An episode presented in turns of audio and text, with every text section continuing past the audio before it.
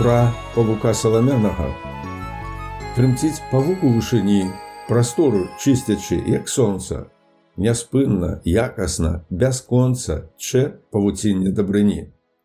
Прывітаннічка ўнука. Не паспеў я прызвычаецца да брыля свайго саламяннага, як новая аказія салому беларуску на пастамент высокі цягне. Колькі тыдняў таму ЮНЕСКа чула пра такую інстытуцыю міжнародную, шчодры падарунак калядны беларусам зрабіла. Афіцыйна залічыла беларускае мастацтва вырабу з саломы у спіс нематэрыяльнай спадчыны сусветнай. Да ліку найвыбітнейшых у свеце дасягненняў рамяство гэта аднесла. Уяўляеш? А мы з табой яшчэ з практыкамі саломапляцення нічога агульнага не мелі. Пляцём ды не тое. Непарадак адным словам. Вось і вырашыў деда сам болей пра саломапляценне дазнацца, ды іншым расказаць. І руки твае да справы добрай прызвычаюць. Як, да прыкладу, самой павука сплесці. Кватэру бацькоўскую прыгожаць перад калядамі, то слухай. Беларускае саломапляценне, калі не ведала, стала пятым нацыянальным прадстаўніком у спісе нематэрыяльнай сусветнай спадчыны следам за святам калядныя цары у вёсцы семежава капыльскага раёна. Урачыстасцямі шанавання абраза маці боскай буцлаўскай у мядзельскім раёне. Вясновым абрадам юраўскі карагод у вёсцы пагод жыткавецкага раёна і культурою ляснога бортніцтва на прыкладзе лельчыцкага раёна. Пра іх некалі асобныя байкі табе складу. Пра пляценне Ведаеш, унука, яшчэ да з'яўлення ткацтва, пра якое я табе не так даўно расказваў, адным з самых распаўсюджаных заняткаў продках нашых было пляценне, пра што сведчаць шматлікія знаходкі яшчэ веку каменнага.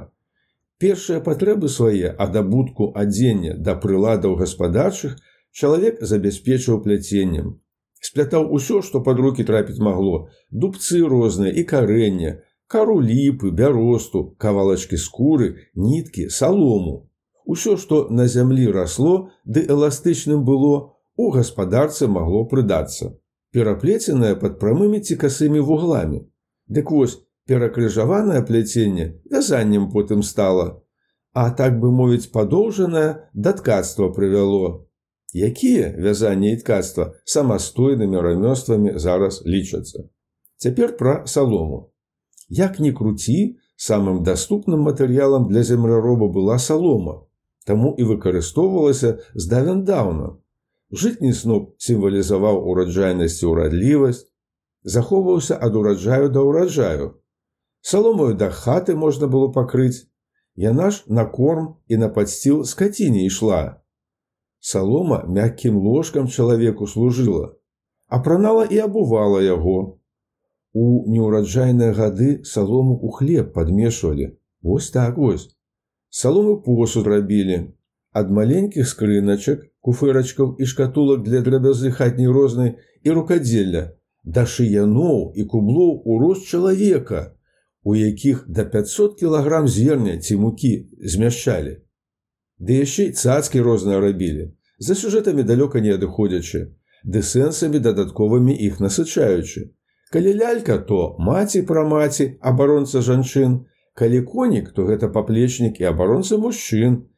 Каза сімвал ураджаю пладавітасці, птушачкі душы продкаў, якія ахоўваюць і дапамагаюць нам тым, што тут жывуць на зямлі. Усяго чатыры асноўныя спосабы пляцення саломы існуе: спіральныя, прамыя, плоскія і аб'ёмныя пляцёнкі. Самым распаўсюджаным было спіральнае пляценне. Гэтым спосабам выраблялі кашы, ёмістасці для захавання прадуктаў, адзення, збожжа і мукі, а таксама вуллі і нават мэблю. Прамое пляценне і плоскія пляцёнкі выкарыстоўвалі як нарыхтоўкі для саламяных капелюшоў, брылёў, кошыкаў, карабоў, скрыначак.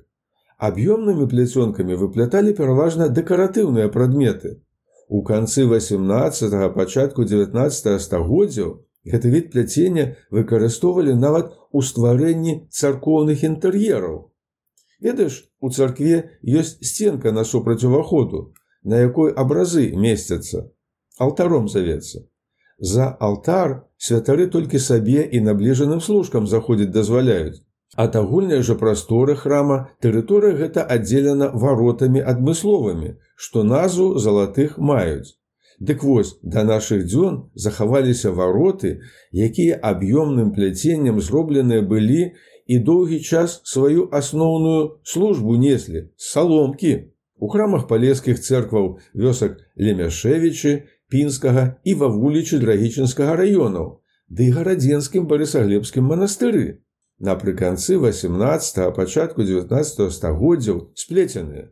Прыхажосць неверагодная, Залатая салома не горш за метал пад сонечнымі праменнямі блішчыць. Праўда, салома як матэрыял не вельмі даўгавечны, яна з цягам часу парахнець і блякнуць пачынае. Давялося вароты саламяныя на месцах дубовымі замяніць.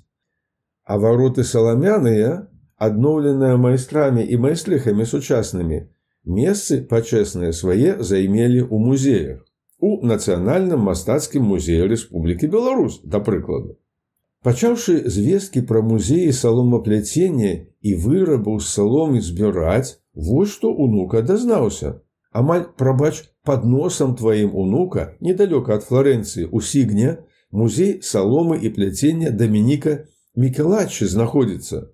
Аказваецца, у таскане на радзіме тваіх італійскіх бабулі і дзядулі апрацоўка саломы з'яўляецца таксама даўняй традыцыяй.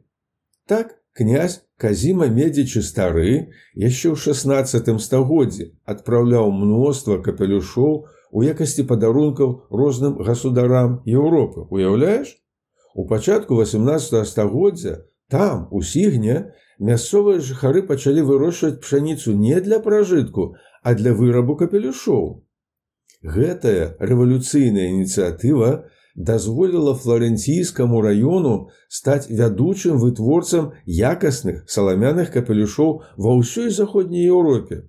Уяўляеш унука, якія повязі паміж намі мацуюцца. Вернемся ж на маю радзіму. За межамі храмаў душы беларусаў да мастацкага не меней цягнуліся. Індывідуальна саламяныя аплікацыі ці нават дываны цэлыя вырабляючы, такія самыя, якія яшчэ нядаўна вырабляла Кацярына Русакович з вёскі рухава старадарожскага раёна. Падзівіся на маім патрыоне, як прыгожа працы ейныя выглядаюць. Ды і прамысловасць беларуская падцягнулася, бо з канца 60-х гадоў два стагоддзя саломапляцення цэлую мастацкую галіну на Беларусі сілкавала. А яшчэ пра самы распаўсюджаны выраб саломы унука табе расказаць намер маю.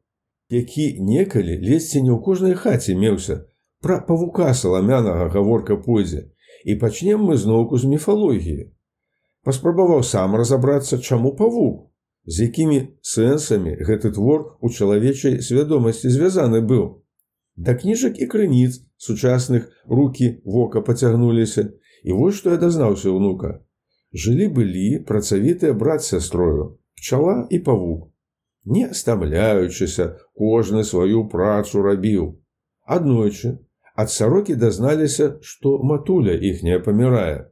Пчала кінула працу сваю, адразу паляцела, а павук застаўся, каб працу дарабіць. Пракляла маці павука, Вось і вымушаны ён з тае пары вечна ткаць сваё павуцінне і ніяк яго не скончыць. Але сэрца чалавечае не камень, і з цягам часу добрыя якасці павуку гэтаксама прыпісвацца пачалі. Стваральнік жа як ніяк, а павуціннем сям'ю ад благога перасцерагчы ахаваць можа. Калі ж рукі беларусаў нястомныя саломы нешта падобнае на павука зрабіць здолелі, думка прыйшла яго ахоўніцкай якасці напоўніцу выкарыстаць. Пачалі ў хаце, у покуце над сталом саламяных павукоў вешаць. Хай сабе круціцца, усё кепска ў сеціва збірае. Каб потым, калі час надыдзе, усё разам з хаты выкінуць, спаліўшы. Якія ж формы маюць павукі саламяныя, карціць табе ўжо ўнука запытацца, і як зрабіць яго можна, ці патрэніравацца хаця б, пакуль салома новая не нарасла. Існуе некалькі самых папулярных формаў. шарападобная, нібыта сонца з разыходзячымися прамянямі, рамбічная, пірамідальная і зоркападобная. Мы з табою пачнем самага простага. Канструяваннем першага модуля у нечым аддалена на піраміду падобнага. Спатрэбіцца нам унука для пачатку зразумела салома. А дзе яе ўзяць пасярод зімы спытаешься. Тут нам часова могуць на дапамогу прыйсці сучасныя тэхналогіі. Попрасі матулю ці тату у супермаркеце бліжэйшым набыць табе трубачак коктейльных, пластмасавых альбо папяровых, каб на іх патрэніравацца змагла. Яшчэ возьми нажніцы, голку як мага даўжэйшую і нітку белую. На адзін модуль нам спатрэбіцца 12 саломінак. Ува ўсю дліну ці на паловы трацінкі роўныя цэлыя трубачкі нарэзаць трэба. Нанізваючы 12 падкрэсліваю роўных трубачак на нітку, трэба з першых чатырох скласці квадрат і ніткаю тую самую яго змацаваць. Потым да кожнага боку з двух саломінак трубачак трэба дах прывязаць, каб пляскатая чатырохканцовая зорачка на стале атрымалася. Затым супрацьлеглыя дахі адзін да другога канцамі прыкласці і звязаць разам. Вось атрымаўся першы рамбавідны модуль. А далей твоя фантазія ўнука. Можна разрабіць яшчэ 5 маленькіх модульчыкаў, да бакавых і ніжняга канцоў прывязаўшы сапраўднага павука атрымаць. Гатова.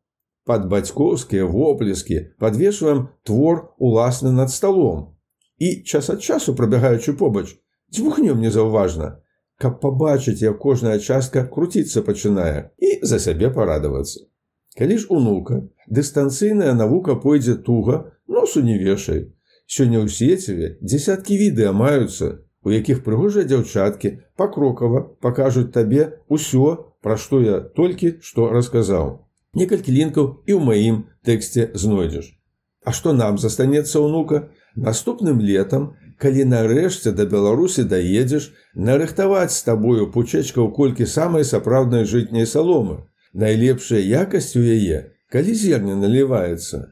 Найбольш моцную яна ў той час робіцца. Потым сабраную салому пачысціць варта будзе, распарыць у вадзе гарачай, каб гнуткаю была, прасушыць, Тады яна залацісты колер і бляск набудзе. Скласці акуратна, каб да бліжэйшых каляд да ляжала.